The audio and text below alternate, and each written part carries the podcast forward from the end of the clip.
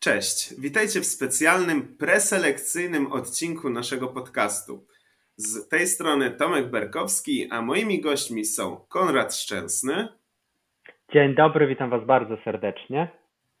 Oraz Maciej Sychowiec. Cześć wszystkim. Nie przedłużając, zaczynamy. 12 punktów. Podcast Eurowizja.org. W tym roku minęło 20 lat od pierwszych polskich selekcji do konkursu piosenki Eurowizji i na przestrzeni tych ostatnich 20 lat zobaczyliśmy 13 odsłon mniej lub bardziej publicznych selekcji. E, moi drodzy, powiedzcie, ile razy wasi osobiści faworyci je wygrali i czy mieliście może okazję zobaczyć te zwycięstwa na żywo? Hmm, to u mnie było tak, że pierwsze preselekcje na żywo to był rok 2008 i wówczas wygrała moja faworytka, którą była Isis G. Rok później wygrała Lidia Kopania, później był Marcin Mroziński, Magda Tull. Um, później, jak myślę o preselekcjach w 18, ja też chciałem, żeby jechał Gromi, w 17 Kasia Moś, no w 16 myślę, że dla wielu fanów był jednak zaskoczeniem. No i w 22 Ochman. A jeżeli chodzi o poprzednie lata, to ja w szóstym jednak kibicowałem Kasi Cerekwickiej, w czwartym wolałem zespół Łzy, a w 2003 wolałem Wilki, o ile dobrze pamiętam. Więc mi wychodzi, że siedem razy wygrywali moi faworyci, tak to mniej więcej było. I od 2008 y, z wyłączeniem 2011 każde preselekcje śledziłem na żywo. Albo na, znaczy one wszystkie chyba były na Woronicza, ile mnie pamięć nie myli, więc tak to wyglądało z mojej perspektywy. Z mojej perspektywy natomiast to wyglądało tak, że e, pierwsze preselekcje, które widziałem na żywo, to były właśnie w 2007 roku, czyli o rok wcześniej niż Konrad. I to też był powód, dla którego w ogóle dołączyłem do, do OGAE. Natomiast e, ja chyba nie będę tak wyliczać aż tak bardzo, ponieważ zazwyczaj raczej e, moi faworyci wygrywali w polskich preselekcjach. Tych wyjątków było akurat dużo mniej.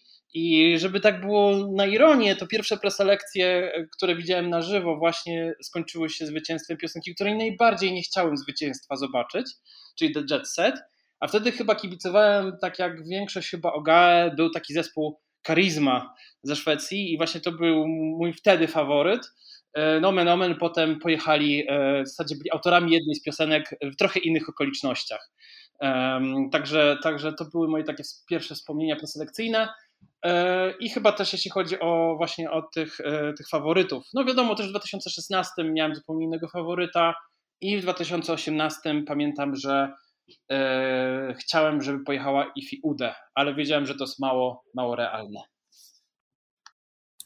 Ja tu mam najmniejsze doświadczenie, jeżeli chodzi o oglądanie selekcji na żywo, bo przyszło mi je oglądać tylko dwukrotnie. W 2018 roku bardzo trzymałem kciuki za Gromiego i myślę, że ten pisk, który jest e, na końcu przy ogłaszaniu wyników, e, to też dość duży mój udział był.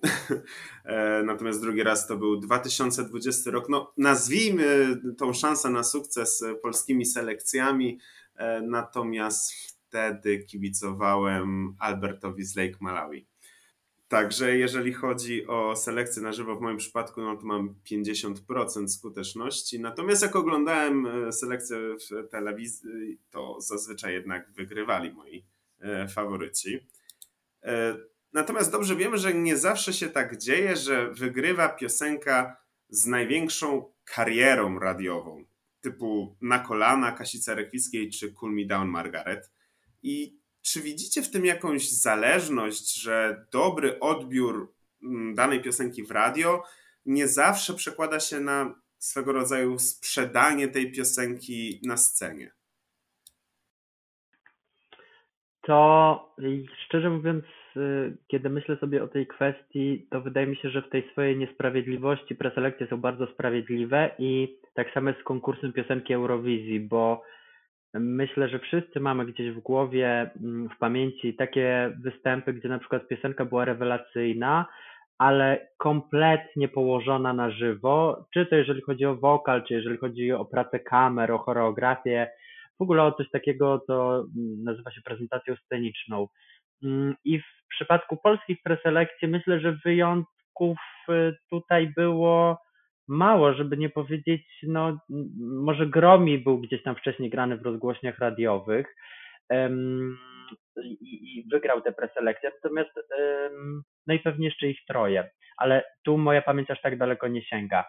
Um, więc może to ich troje i Blue Cafe, powiedzmy, to były te edycje.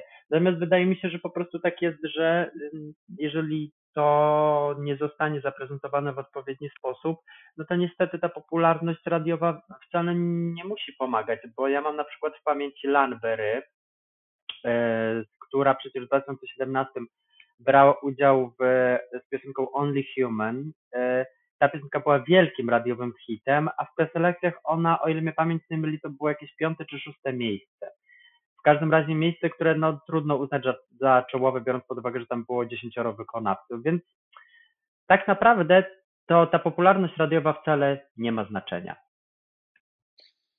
Ja myślę o innej piosence, która była w polskich preselekcjach i w zasadzie zrobiła bardzo dużą karierę w rozgłośniach po swoim udziale, a chodzi o lustra Natalii Schroeder. Dla mnie to jest taki przykład wręcz flagowy polskiej piosenki radiowej. E, I to jest taki utwór, który jakby nie patrzeć jest dosyć jest przyjemny. Ma, stanowić pewien, pewien taki odbiór e, czegoś, co leci w tle zazwyczaj. E, I to jest jakby cecha piosenek radiowych w dużej mierze, że to są piosenki tła i piosenki, które no, nie zostawiają jakiegoś takiego mm, odcisku emocjonalnego. Nawet jeżeli te piosenki są spokojne, intymne, to po prostu tego brakuje. E, I, I mają być to piosenki tła, często takie piosenki, które można sobie ewentualnie puścić e, na tak zwanym repeacie, ale nie są to koniecznie piosenki, które, e, że tak można to ująć, zostawiają jakieś wielkie, wielkie, niesamowite wrażenia po zobaczeniu występu. Tego właśnie wydaje mi się, że to jest często, często kwestia, gdy, gdy myślimy o piosenkach radiowych na Eurowizji czy w preselekcjach, to jest chyba ich duży, duży problem często, że że tego brakuje, oprócz oczywiście prezentacji, że to są piosenki, które nie zostawiają takiego impaktu emocjonalnego. I, I, wydaje mi się, że nawet jeżeli takie piosenki pojawiają się w polskich preselekcjach, a ich było nawet sporo, bo zastanówmy się nad takimi hitami radiowymi, które gdzieś tam były nawet w wcześniejszych latach. Na przykład Blue Cafe You May Be In Love to był wielki hit radiowy i był grany po prostu wszędzie w 2003 roku. Był użyty w ścieżce dźwiękowej do jednego z najpopularniejszych filmów takich E, rozrywkowych w tamtym czasie, czyli Nigdy w życiu między innymi. Ale ta piosenka nie, nie, była trudna do sprzedania na scenie. Tam był zespół, tam, e, e, tam jakoś tam nie, nie zagrało. Ta, to są piosenki, które często e, trudno ograć na scenie ze względu na swoją specyfikę i do, te, do czego one służą. Tutaj się zgadzam z tym, co powiedziałeś, że, że nie zawsze można to ograć na scenie. I czasami dzieje się tak, że to po prostu wygląda dziwnie, a, a czasami wręcz komicznie, bo kiedy w selekcjach bierze udział kilku artystów, no to możemy chyba w ciemno obstawiać, że zawsze coś musi pójść nie tak. I, i przez 20 lat tych naszych polskich selekcji mogliśmy zobaczyć kilka spektakularnych, nazwijmy to, flopów, dramatów i, i, i innych dziwnych momentów. E, czy, czy macie jakiś y, ulubiony moment taki, który może nie wpisuje się złotymi zgłoskami y, w historię polskich selekcji, ale jednak utkwił w waszej pamięci? Ja muszę wam się zwierzyć, że y, jestem trochę człowiekiem dyskwalifikacją, jeżeli chodzi o polskie preselekcje, ponieważ czynnie przyczyniłem się do dyskwalifikacji Katarzyny Skrzyneckiej i Krzysztofa Zalewskiego. A anegdota jest taka, że ja pamiętałem doskonale, że Kasia Skrzynecka, którą prywatnie uwielbiam i jest jedną chyba z ostatnich postaci w polskim showbiznesie, do których naprawdę mam wielką sympatię, ja pamiętam, że ona wykonała tę piosenkę, czyli Isn't It Amazing e, w Tańcu z Gwiazdami. Na jego otwarcie, to chyba był pierwszy odcinek, ale to był wtedy początek września. A zgodnie z ówczesnym regulaminem piosenki nie mogły być prezentowane przed 1 września właśnie. I oczywiście, kiedy została opublikowana lista, to ja od razu gdzieś zacząłem pisać i do OGE, bo tam jeszcze wtedy w OGE nie byłem, mm, i do ludzi z TVP, że no tutaj właśnie jest nieregulaminowość, no i była ta dyskwalifikacja i podobna historia była z Krzyszkiem Zalewskim, bo pamiętam, że on to w trakcie któregoś Wośpu chyba zaśpiewał. E, I to są takie dwie rzeczy, o których zawsze myślę, jeżeli chodzi o moją jakąś cegiełkę dołożoną do preselekcji, tę dyskwalifikacyjną. A jeżeli już chodzi o same preselekcje jakieś zabawne sytuacje, to właściwie z każdego roku ja mam gdzieś w głowie taką rzecz, e, ale to są w większości rzeczy, o których chyba nie chciałbym mówić w podcaście, bo pewnie e, może niektórzy wykonawcy poczuliby się urażeni, niektórzy nie, nie wiem. Natomiast e, zawsze dla mnie ten czas preselekcji to jest taki czas, kiedy dzieją się przeróżne, ciekawe i intrygujące rzeczy. I naprawdę dlatego na niego zawsze czekam. Jeśli chodzi o takie występy, które gdzieś tam były występami, można powiedzieć, osobliwymi, to oczywiście pierwsze, co się nasuwa e, do głowy, to jest słynny występ e, Oli Gintrowskiej do piosenki Missing i słynna Syrena, ale też tych występów było dużo, dużo więcej i chociażby w takich latach, gdzieś tam 2008, 2009, e, to były takie lata też dla Eurowizji o tyle niefortunne, że wielu uczestników, w szczególności w preselekcjach, nie tylko w Polsce, prześcigało się e, w tym, aby ten występ był e, w ich mniemaniu jak najbardziej możliwy do zapamiętania, ale czasami mm, to, w jaki sposób e, ich, ich teamy czy sami artyści prześcigali się w tych pomysłach, no też odbiło się na polskich preselekcjach. I pamiętam na przykład w 2008 roku to, co mi zapadło, e, to, co pamiętam do dzisiaj, to chociażby to, że był taki, był taki girls band Queens i e, wspomniane dziewczęta występowały po prostu na e, jakimś e, polu wojskowym, treningowym, przeskakiwały przez opony. To był występ, który gdzieś tam, gdzieś tam pamiętam. Były też występy, które wcale nie musiały być jakoś wybitnie e, wymyślne pod kątem e, scenografii, ale były same w sobie pewną taką. Wzbudzały pewien uśmiech na, na twarzy, chociażby była piosenka Pauli w 2017 roku, która do dziś jest rozpamiętywana e, przez, przez fanów Eurowizji ze względu na pewien, pewien konkretny dźwięk, który pojawiał się w intro. To są takie smaczki, które gdzieś tam się przenikają i które są takimi niuansami, ale e, wciąż się o nich pamięta i gdzieś tam w takich gronach towarzyskich się e, to wspomina e, na zasadzie trochę żartu, na zasadzie trochę takiego wspominek, nostalgii, ale, ale takie rzeczy zostają. Jak już wspomniałeś o zespole Queens, to przypomniała mi się ich piosenka z 2006 roku, która wówczas była chyba moim, moim ulubioną, moim, one były moimi faworytkami wtedy, czyli e, piosenka I Fell in Love, która jeśli dobrze pamiętam od jurorów nie dostała ani jednego punktu, natomiast e, u widzów ona była gdzieś w czołówce. Mm, no to też były lata tej chwilowej popularności tego zespołu, więc to na pewno się na to przełożyło. Mm, natomiast gdybym ja miał powiedzieć o jakimś swoim ulubionym momencie selekcji, to nawet nie jest moment samych selekcji, tylko całej otoczki wokół nich. Mianowicie e, lata temu była taka pani, która nazywa się Sarah May i, i można ją chyba nazwać jedną z czołowych skandalistek w tamtych latach.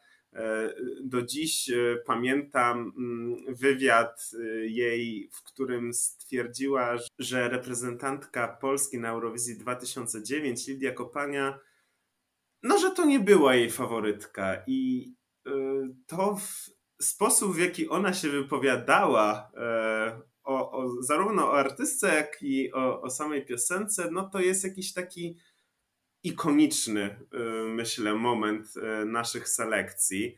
Mm, a powiedzcie jakieś, jakieś wasze piosenki, które goszczą może u Was na, na playlistach, piosenki, do których wracacie, do których macie sentyment, aczkolwiek może nie odniosły jakiegoś dużego sukcesu mm, podczas polskich selekcji. Są takie?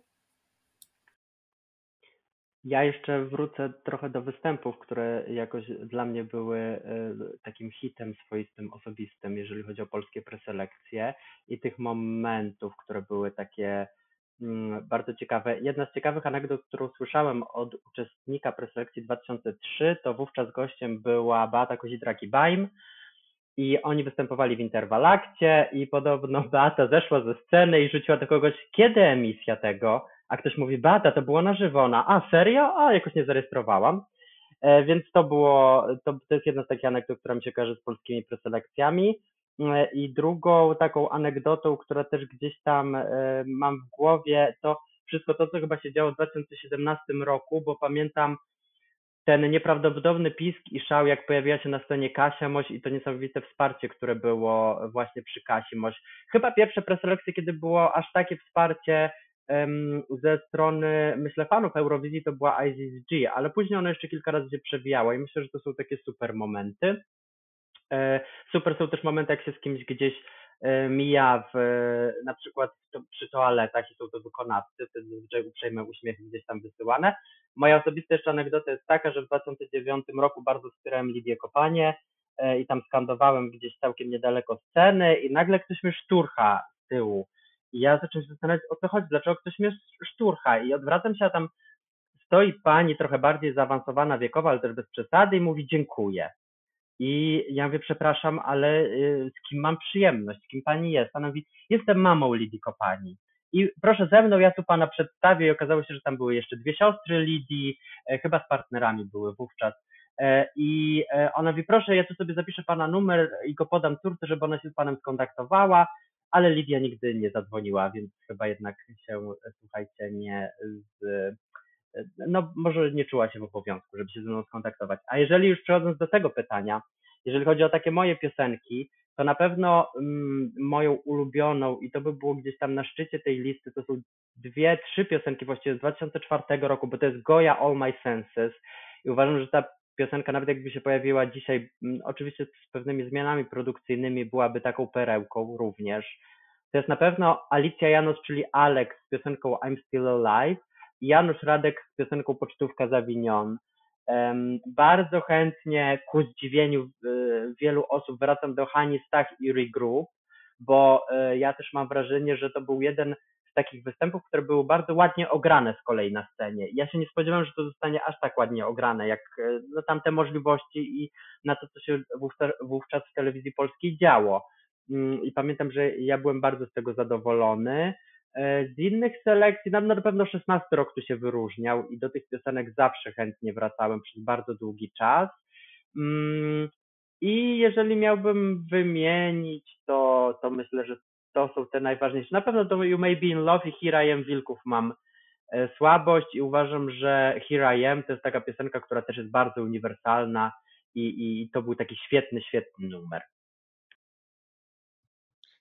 Ja muszę przyznać, że Hmm, chyba nie mam jakichś takich, po, takich pojedynczych piosenek, do których bym wracał teraz, bo zazwyczaj jak wracam gdzieś tam pamięcią do, do polskich preselekcji, to zazwyczaj w jakiejś formie skrótów czy tego typu e, wspominek. I chyba tutaj muszę też jakby nawiązać do tego 2004 roku, który gdzieś tam e, zbiorczo pamiętam e, z dużą, dużą taką sympatią i to jest chyba taki rocznik całościowo, do którego lubię wracać i lubię sobie przypominać chociażby fragmenty tych piosenek. Pamiętam, że w 2004 roku bardzo duże wrażenie na mnie zrobił właśnie Janusz Radek, ale ku mojemu zdziwieniu też czasami odkrywam na nowo pewne piosenki i zupełnie takie, które gdzieś tam, za którymi nie przepadałem wtedy i był taki czas, że nie wiem, parę miesięcy temu chyba włączyłem sobie skrót właśnie z 2004 i, e, i nagle mnie na, naszła ochota na to, żeby usłyszeć, posłuchać sobie piosenki Marcina Rozynka, który zdobył trzecie miejsce, czyli w sumie całkiem nieźle. E, I wtedy dopiero mi się spodobała ta piosenka, czyli po jakichś prawie że 20 latach. co, co bywa dosyć takim osobliwym przypadkiem. A na przykład jeżeli chodzi o piosenki, przedstawienie piosenek, których nie wspominacie za dobrze. Tutaj myślę raczej o latach no, 2007-2011, kiedy chyba możemy zgodnie stwierdzić, że poziom naszych selekcji nie był najwyższy. Czy macie jakieś takie wspomnienia, że o, ta piosenka była naprawdę źle przedstawiona, ta piosenka e, mogła być dobrze ograna, a wyszło jak wyszło?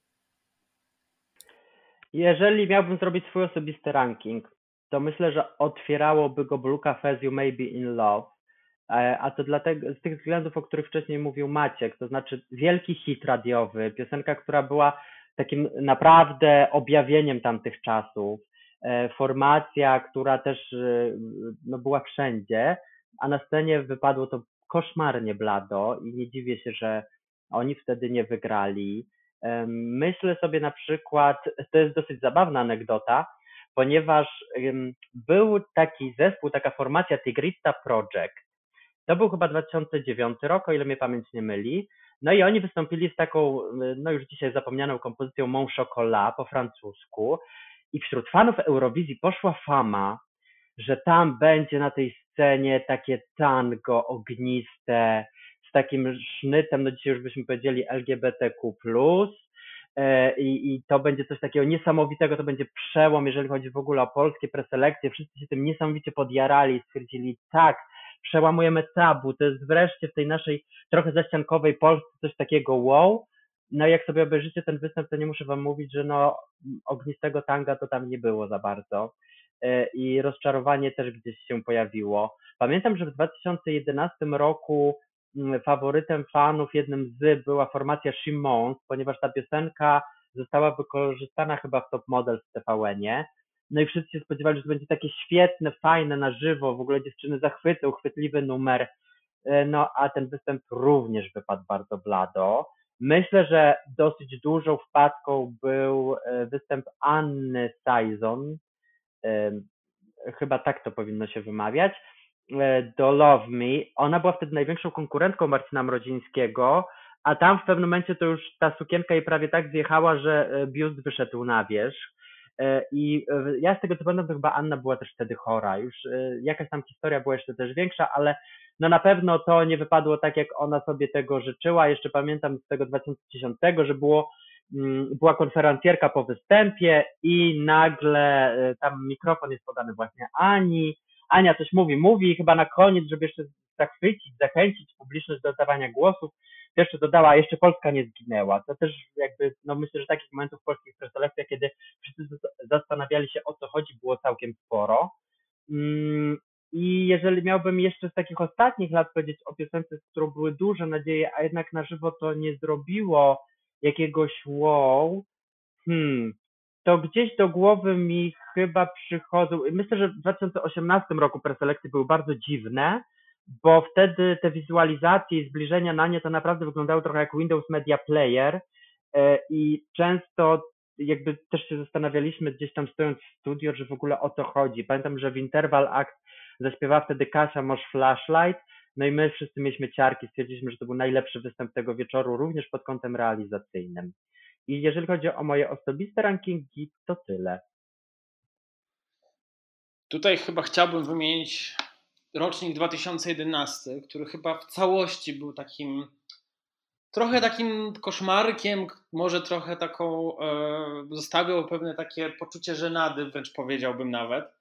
E, pamiętam doskonale, będąc, będąc gdzieś tam, e, e, będąc wśród publiczności, podczas któregoś występu, już nie pamiętam którego, spojrzałem się na jednego ze znajomych i po prostu chyba po prostu chcieliśmy stąd uciec, a jedyne co nam to uniemożliwiało, to chyba rzeka statystów, którzy byli właśnie zatrudnieni do tego, żeby żeby być w publiczności, by, e, udawać publiczność, dzieliła nas od tego, od tej ucieczki, bo to też były takie czasy niestety i takie niestety czasy e, braku popularności konkursów w Polsce. E, Też właśnie chciałem, myślałem o zespole Simons jako taką, takim dużym rozczarowaniu. Piosenka, która zanim nawet okazało się, że Magda Tull jest w stawce i zanim stał, fani zaczęli szaleć na punkcie tej piosenki, to chyba była jedna z takich głównych faworytek fanów. Ale tych rozczarowań było dużo więcej. Niekoniecznie moich, ale pa pamiętam doskonale też dużo fanów e, bardzo lubiło piosenki Izabeli Otrębus. Była tak, taka dziewczyna e, ściągnięta ze Szwecji, która, e, która miała zawojować e, polskie preselekcje. Niestety ani dwukrotnie, ale ani razu się to nie udało. To był taki jeden przypadek. Wydaje mi się, że ogólnie istnieje często problem z, z, z tymi występami w polskich preselekcjach. Często artyści nie mają też za dużo czasu, czasami jakby zbytnio ponosi ich wodza fantazji. Wydaje mi się, że to są jakby dwa bardzo skrajnie różne powody, dla których, e, dla których często te występy nie wyglądają jak powinny. Też dlatego możemy zauważyć, jaki zazwyczaj mają sukces ballady w polskich preselekcjach. Tutaj wystarczy faktycznie pokazać, że się dobrze śpiewa, mieć przyzwoitą, e, dobrą balladę i naprawdę można na tle stawki dużo zyskać. Ja bym chyba wskazał z takich dużych rozczarowań, to chyba też występ Margaret mimo wszystko. E, wiązano z tym bardzo duże nadzieje. Polska była wtedy pierwsza u bookmacherów, co wywołało dużo, po prostu duże poruszenie, a występ był jaki był, tak, to tam się z nim za wiele działo, e, wokalnie też nie było najlepiej. Margaret towarzyszyły, towarzyszyły chyba dwie tancerki, dwie chórzystki. Prawdę mówiąc, na, jak na taką dużą faworytkę, e, no, rozczarowanie było duże oczywiście i jeśli chodzi o występ. E, I wydaje mi się, że to są takie przykłady, które gdzieś tam e, teraz mi krążą po głowie.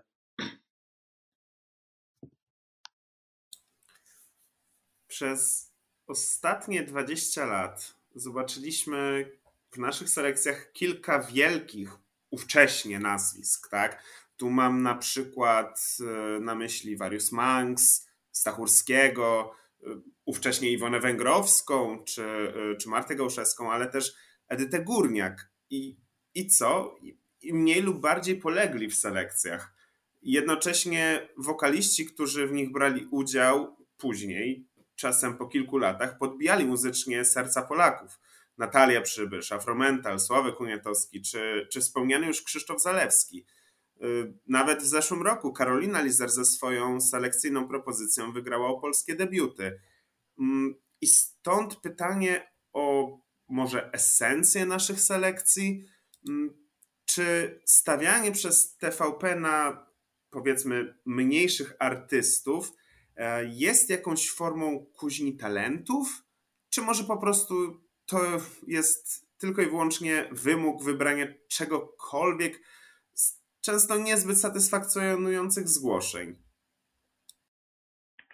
Tomku, zanim odpowiem na to pytanie, ty nie wskazałeś swoich występów, które ciebie też jakoś mocno rozczarowały albo w twojej opinii wypadły blado, więc pozwolę na chwilę zwrócić ci ten głos.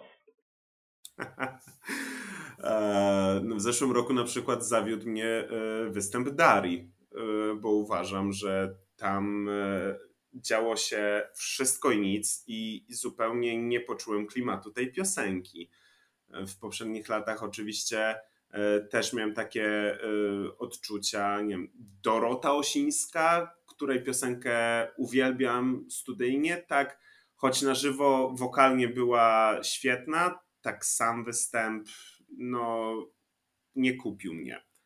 Myślę, że było jeszcze kilka takich e, przykładów. Izabelo Trembus z Delirium, chociaż e, przyznam na swoje usprawiedliwienie, że e, podczas e, selekcji e, w holu TVP e, chyba nagłośnienie trochę mnie zwiodło, bo tuż po jej występie powiedziałem, nie, no fajnie, bardzo ładnie, wszystko fajnie. A potem obejrzałem transmisję telewizyjną i mocno musiałem się pokajać za swoją opinię. Ale raczej takie momenty staram się wyprzeć z pamięci.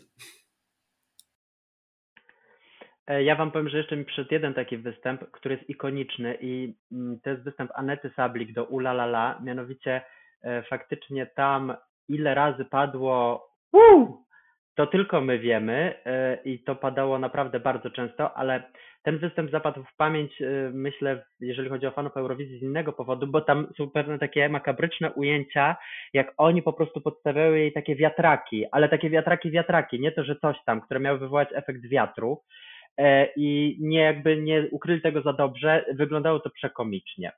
A odpowiadając na to pytanie dotyczące lansowania trochę nazwisk, i tych dużych nazwisk i małych nazwisk, Powiem wam tak, ja kiedyś zrobiłem statystyki, e, z których mi jasno wyszło, że Polsce w ogóle wychodzi na dobre, na lepsze, kiedy wysyła nazwiska mniej znane, szeroko pojętych debiutantów. Dlaczego mówię szeroko pojętych? Bo oni mogą mieć już jakiś dorobek. Mogą mieć, nie wiem, jedną płytę na koncie, nawet dwie płyty na koncie, mogą mieć jakieś występy, mniej bardziej głośne role teatralne, jakieś festiwale, ale to nie jest takie nazwisko, wiecie, które rozgrzewa tłumy. Mm, dlatego mówię, że szeroko rozumiani debiutanci. I uważam, że to super, jeżeli preselekcje są platformą do tego. Duże nazwiska w Polsce, mm, ja nie wiem, kiedyś o tym myślałem, z czego to wynika i powiem Wam, że jednej odpowiedzi na to nie znalazłem. Natomiast wydaje mi się, że duże nazwiska w Polsce niestety mają jakieś swoje wyobrażenie Eurowizji że często mm, pisząc piosenkę na ten konkurs mówią, że ona musi być eurowizyjna. Szczerze mówiąc, ja nie znoszę tego określenia i uważam, że eurowizyjna w tym znaczeniu, w tym kontekście oznacza wtórna, niestety. Że musi być kopią czegoś innego, a to jest absolutnie niedobre.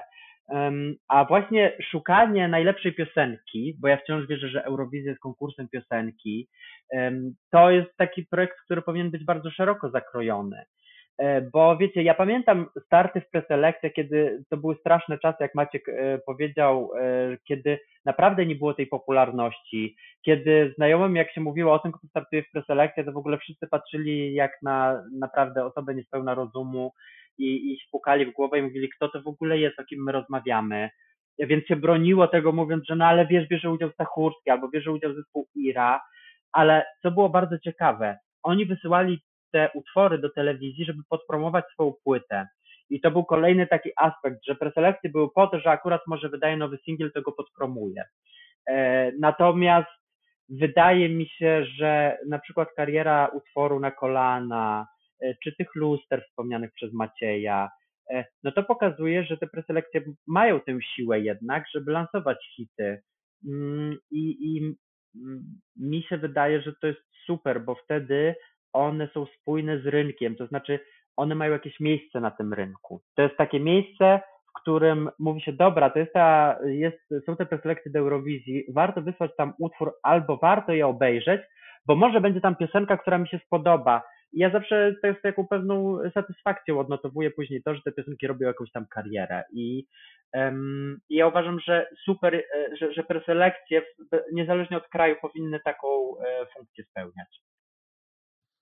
Ja się tutaj oczywiście zgadzam z Konradem i wydaje mi się, że faktycznie, że preselekcje powinny pełnić taką rolę pewnej platformy do zarówno do bycia, wybierania piosenki na Eurowizję, ale jednocześnie generowania tego, co się dzieje w kraju. Zresztą to rozmawialiśmy o tym w jednym z poprzednich podcastów. E, I gdzieś tu zawsze jest to pole dla polskich preselekcji, które wciąż nie jest zagospodarowane. W Polsce jakoś tak tradycja konkursów piosenki jest trochę wyparta z pamięci, mam wrażenie. Jeśli spojrzymy na to, jaka jest sytuacja związana z konkursem premier w Opolu, które gdzieś tam są spychane na, na północy, a nawet na jedną trzecią jednej nocy, albo co się dzieje z e, festiwalem w Sopocie, który przerzucany jest pomiędzy telewizjami, ten konkurs gdzieś tam sobie jest, ale w sumie go nie ma. E, jest, to, jest, jest ta przestrzeń do tego, żeby te konkursy piosenki e, pełniły taką rolę takiego katalizatora na rynku, nie tylko sam muzycznego, ale też szeroko pojętego muzycznego, e, takiego muzycz, rozrywkowego przemysłu. I, I ta przestrzeń jest na pewno do wykorzystania właśnie przez preselekcję. Wydaje mi się, że też jest w tych preselekcjach miejsce dla takich utworów, które Tutaj Konrad użył takiego niewdzięcznego sformułowania, że są po prostu kolejnymi singlami z płyty. No ale gdzieś tam, jeżeli faktycznie myślimy o tym, żeby preselekcje pełniły rolę katalizatora tego, co się dzieje rynku, na rynku muzycznym, to faktycznie takie piosenki powinny się pojawiać. Ale oczywiście to też nie znaczy, że e, muszą być to zawsze duże nazwiska, I tutaj też ten przekrój jest bardzo ważny, żeby z jednej strony pokazać, że ok, mamy te nazwiska, które, które biorą udział, ale jednocześnie one są na równej pozycji z tymi debiutantami, czy z tymi właśnie nazwiskami, które gdzieś tam już miały okazję się pokazać, ale nie do końca jeszcze miały te swoje 5 minut.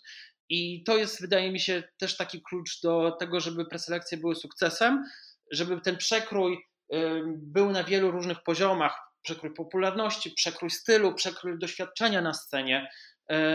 To wszystko są takie składniki, które zawsze, zawsze przynoszą pewien sukces e, selekcjom e, i tym samym debiutantom, którzy biorą w nich udział.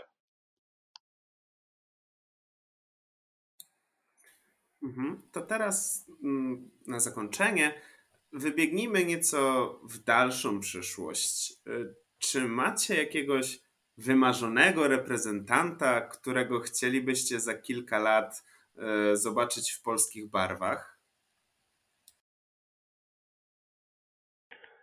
A, wiecie co, to jest takie pytanie.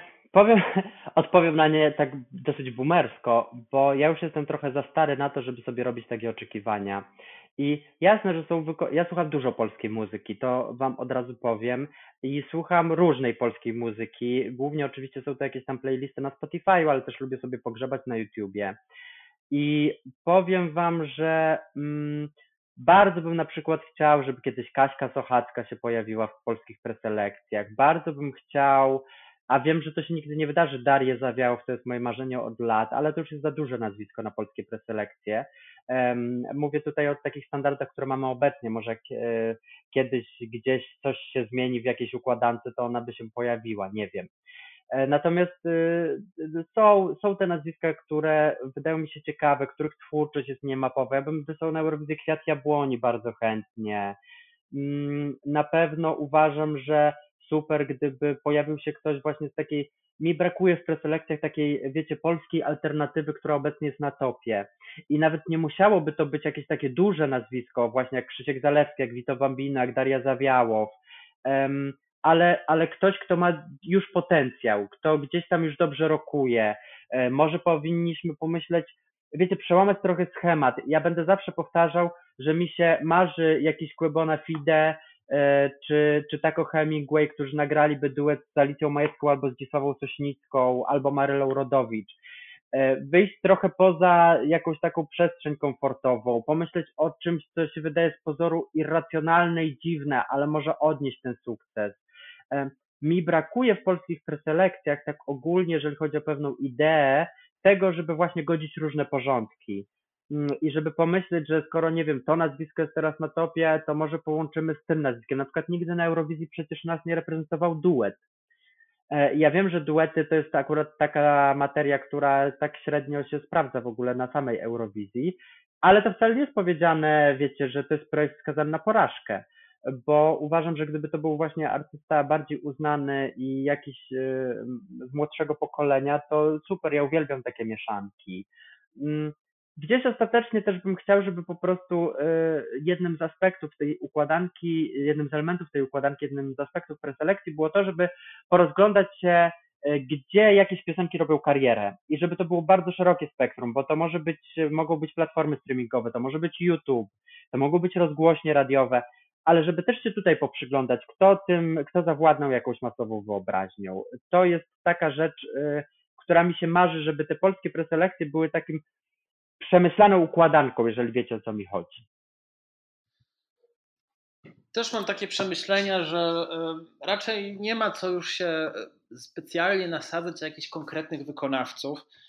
Mm, raczej, co, szczególnie w kontekście, co mówiliśmy poprzednio, czyli właśnie, że debiutanci, czy szeroko rozumieni debiutanci, stanowią jakby klucz do sukcesów Polski, przynajmniej na Eurowizji, albo takiego umiarkowanego sukcesu.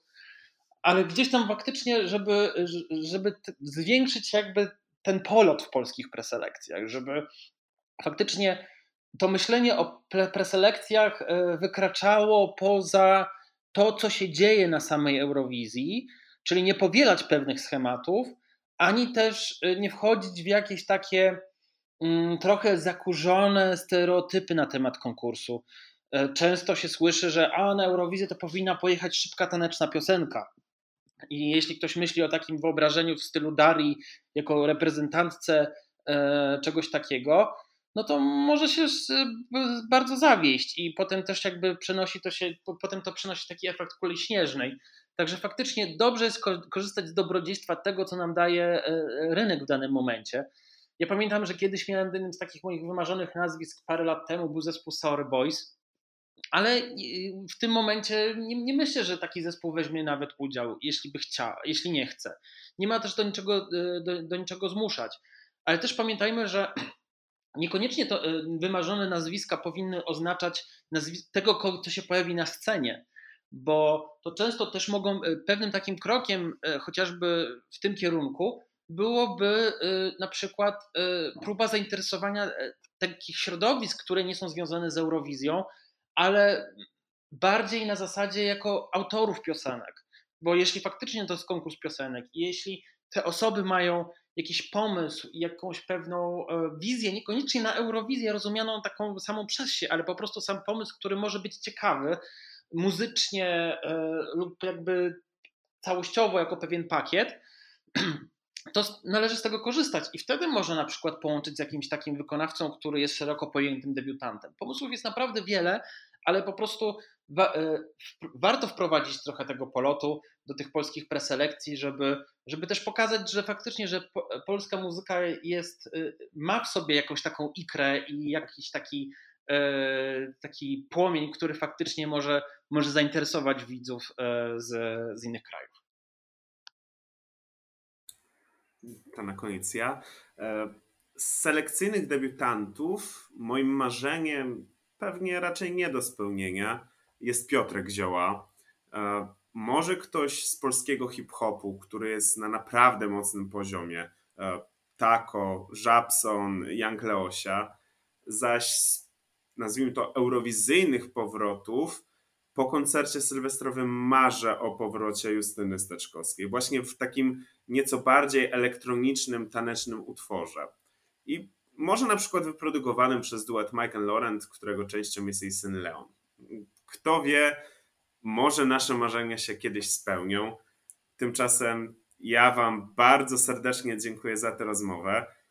I co? Do zobaczenia w kolejnym odcinku. Dzięki. Dzięki piękne. Dzięki. Cześć.